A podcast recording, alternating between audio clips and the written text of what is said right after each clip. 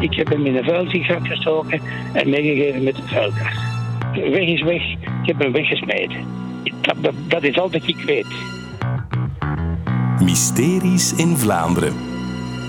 Ik ben Dennis van den Buis. Ik ben mysteriejager en ben op zoek gegaan naar de verdwenen Europa Cup 2 van KV Mechelen. Vooralsnog de laatste Belgische club die een grote Europese voetbalbeker kon winnen. Maar waar is hij gebleven? Dit verhaal begint in 1988. Op 11 mei staat de underdog, het kleine KV Mechelen. De ploeg van achter de kazerne onder leiding van Aad de Mos tegen het legendarische Ajax in de finale van Europa Cup 2 op het veld van Straatsburg. Ja, daar is hij. En daar is de goal. Piet een boer hij. Ik hoop dat uh, Rinus Michels meekijkt. Opent zoveel deuren en poorten. Pauli zegt dat het Mechelen is. 1-0. En hoe mooi is het niet? De underdog die de Europese beker wint. Euforie, delirium. De kakkers van Mechelen hebben de Europa Cup gewonnen van Ajax. Dan nog eens de voormalige club van Aad de Mos. De revanche is compleet. En, zo herinnert speler Polke de mesmaker zich nog, de kapitein Lijklijsters kreeg de grote beker in handen. Ik weet dat, uh, dat Kleisters dus uh, de grote beker gaan halen en ik dan de gewone beker gaan halen, omdat het voor de club was. Ik heb die op mijn hoofd gezet. Ik heb daarmee rondgelopen. Ik ben ermee naar de kleedkamer gegaan. We hebben daar champagne gegoten. We zijn daar gaan, allemaal van gaan beginnen te drinken. En dan zijn we, uh, is de beker rondgegaan. Wij zijn op de bus gestapt. De grote beker was erbij, maar de kleine beker was er niet meer Die bij. kleine beker, dat is de beker die de club KV Mechelen eigenlijk mocht bijhouden van de UEFA. Maar die is spoorloos, terwijl de grote beker, een wisselbeker, die ze na een jaar zouden moeten teruggeven aan de volgende winnaar, die is wel meegegaan naar Mechelen. Ik confronteer de maker van het enige doelpunt in de finale, Piet den Boer, met een foto. Op die foto staat hij met en die kleine en die grote beker. Ik kan me alleen maar die grote herinneren. En nu ik zie dat ik die kleine vastgehad heb, ja, is mooi. Uh, maar ik zou niet. Ja, ik, zeg, ik, ik, ik vind er een verrassende foto. Maar helaas uh, heb ik geen bewijsmateriaal dat hij bij mij op de kast staat. Ja. Denk je dat die beker Straatsburg verlaten heeft? Dat hij mee met jullie naar Mechelen is gegaan? Ja, ik, ik, ik heb zoveel andere dingen gedaan na die wedstrijd. Gedronken, gezongen, een feest, alles erop en eraan. Ik heb ooit mijn shirt uitgeleend, wat ik hier ziet, voor een goed doel. En uh, die mensen hebben het ook nooit teruggegeven. Dus waar is de eerlijkheid van de mensen? Ik denk als je een beetje hart hebt en een beetje karakter, dan gun je iedereen zijn eigen spullen. Maar uh, met deze dingen blijken dat allemaal hebben dingetjes te zijn. En ik is ik. En dan vergeten ze denk ik de menselijkheid. Dus ja, voor de club zou het heel belangrijk zijn. En mochten ze dan die beker winnen, mogen ze ook gelijk mijn shirt meenemen. Pietenboer, dankjewel. Graag gedaan. Ook Aad de Mos, de toenmalige coach, was niet in de buurt van de kleedkamer en herinnert zich van dat onderdeel heel weinig. Die beker heb ik eigenlijk één keer in mijn handen gehad, geloof ik. En uh, ik moest uh, direct naar de pers. Dat was één. Ik heb die kleedkamer eigenlijk heel, heel kort meegemaakt. Ik weet wel dat ik toen ik terugkwam, waren de spelers al vertrokken. Ben ik op een van die stretchers uh, in een van die andere kleedkamers daarnaast even gaan liggen om even bij te komen van de spanning. En toen uh, kwam het bestuur van Ajax mij feliciteren in die kleedkamer. Dat stelde ik wel zeer op prijs. Al snel duikt er een verdachte op, speler Polke de Mesmaker. Want die had de kleine beker op zijn hoofd gezet. Dus ik stond met de beker op mijn hoofd. En blijkbaar zou ik de schuldige zijn dat ik de beker bij mij zou hebben thuis. Maar ik heb hem helaas niet, want anders zou ik hem teruggeven aan de KV. Allerhande complottheorieën doen de ronde. Is daar iets misgelopen met die beker in KV Mechelen zelf? Heeft iemand die in zijn zak gestoken? Is die beker Straatsburg eigenlijk wel buiten gegaan? Want er werd duchtig gefeest. Ja, nou ja, er zijn zoveel festiviteiten geweest. Uh, uh, op, het, uh, op het hoofdveld de volgende dag. En met zoveel supporters eromheen. Er zijn festiviteiten geweest s'nachts. De helft van de spelersbus die zat s'nachts om drie uur. Zaten die bovenop de bus met alles erop en eraan. We hebben een rondrit gemaakt uh, een dag daarna met, met, met die zwaantjes door de stad heen. Het kan best zijn dat die meegenomen zijn en om te laten zien op het stadhuis. Dat die ergens niet, ik weet het echt niet. Het zou, uh, wie dat weet, dat is een uh, godsgeschenk, denk ik, om die beker terug te vinden. De verdwenen beker van KV Mechelen blijft heel lang onder de radar richting de buitenwereld. Maar binnen de club zelf is na een paar dagen al duidelijk... Oei, Hier ontbreekt een kleine beker. Twee dagen later is dan het besef gekomen dat de club, ja, die beker is verdwenen. En dan hebben ze naar de foto's gekeken en stond ik met die beker op mijn hoofd. Dan heeft Paul Corant mij geroepen. Dat was de teammanager toen? Ja, de teammanager heeft mij geroepen en heeft gevraagd, Paul, wil jij die beker teruggeven? Ik heb tegen Paul gezegd, ik heb die beker niet.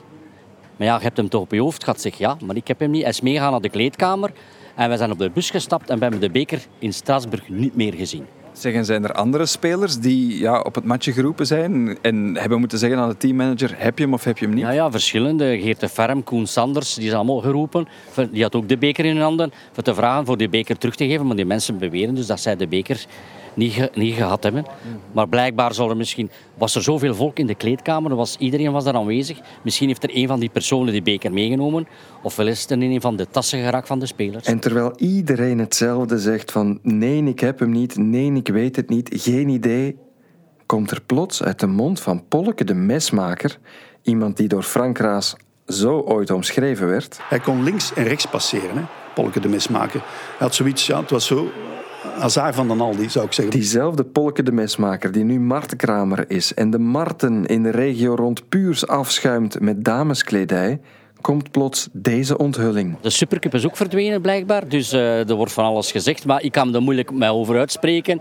Maar uh, ondertussen heb ik al vernomen waar die bekers zo terechtkomen en wie heeft die beker heeft. Dus uh, dokter Jaspers, die weet van. Wacht, heb ik dat nu goed gehoord? Er blijkt dus nog een Europese beker van KV Mechelen, de Supercup, die ze gewonnen hadden tegen PSV. Die blijkt ook verloren en ik moet op zoek naar Walter Jaspers, de clubarts van toen, die meer weet. Maar voor het zover is, moet ik een nieuw personage in dit verhaal introduceren. Maak kennis met Mirjam van Dal, moeder Malinois, de dame die het spelershome bestierde alsof het haar eigen huishouden was, ook in de periode van 1988.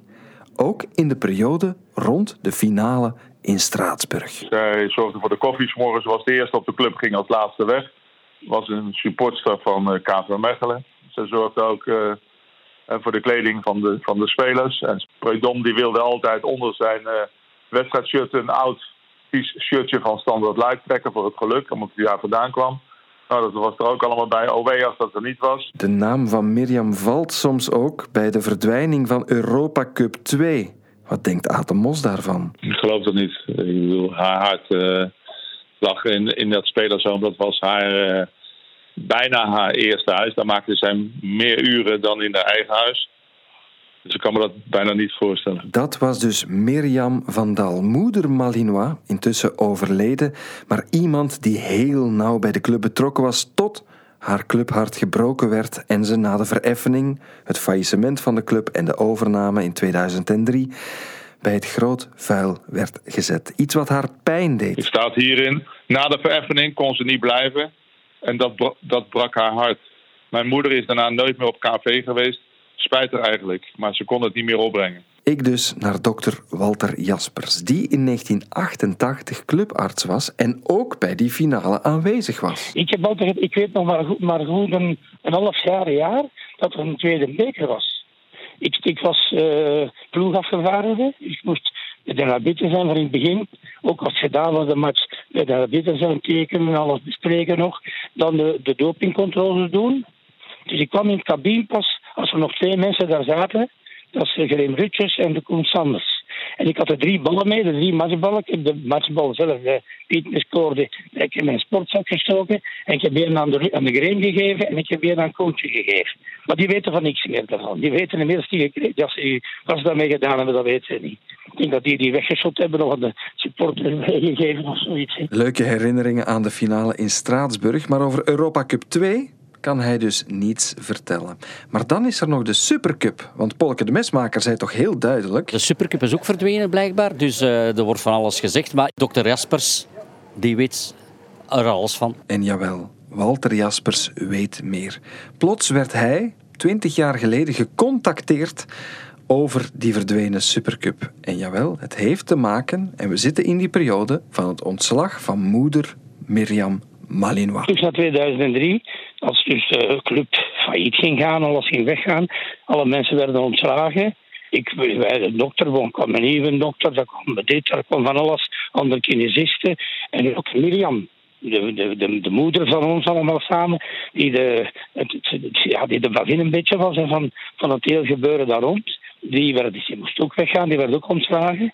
En die was daar wel niet heel gelukkig mee. Die, heeft van alles, denk ik, van alles meegenomen, het laatste. Nu is er heel veel meegenomen. Hè.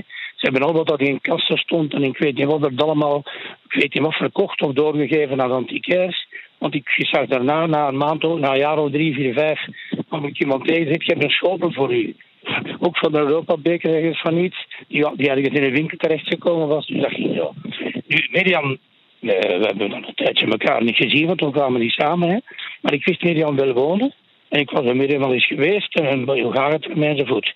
En hij zegt tegen mij, ik heb iets voor u en ik geef dat aan u. Niemand anders mag dat hebben. Hij ik vind dat jij daar recht op hebt, want anders was het allemaal weg geweest.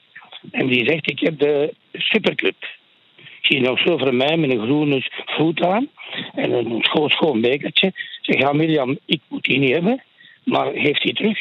Kunt dat toch doen. Zet hem daarop, gaat hem afgeven, geeft hem aan de voorzitter of iemand van de voorzitter. En hij zegt, ik heb die toen meegenomen om te beschermen. En geeft hij terug. Nee, zegt dat kan ik, dat kan niet. Jij moet die meenemen.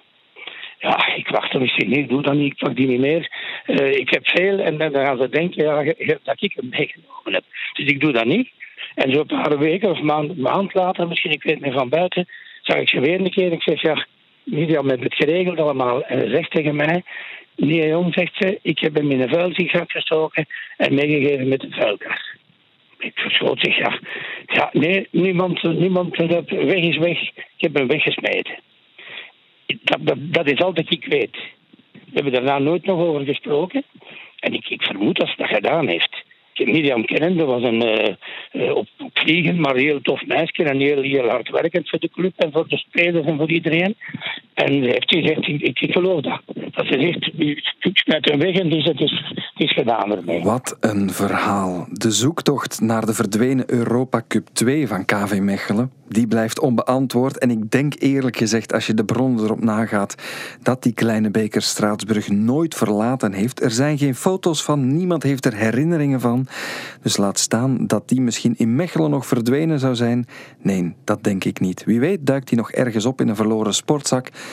Maar dan zal er toch iemand diep berouw moeten vertonen. Maar dan is er dat verhaal van de Supercup en de rol van moeder Malinois. Nu, vanmorgen viel ik toch wel van mijn stoel als Walter dat eventjes uh, zomaar de radio vertelde van Mirjam. Dit is Bertrand Peters. Maar uh, langs de andere kant dacht ik van oké, ja, uh, we kunnen van het oren geen, geen kwaad spreken. Hij is het hoofdarchief van Malinois, het supportersorgaan. KV Michel is zoals het leven, hè.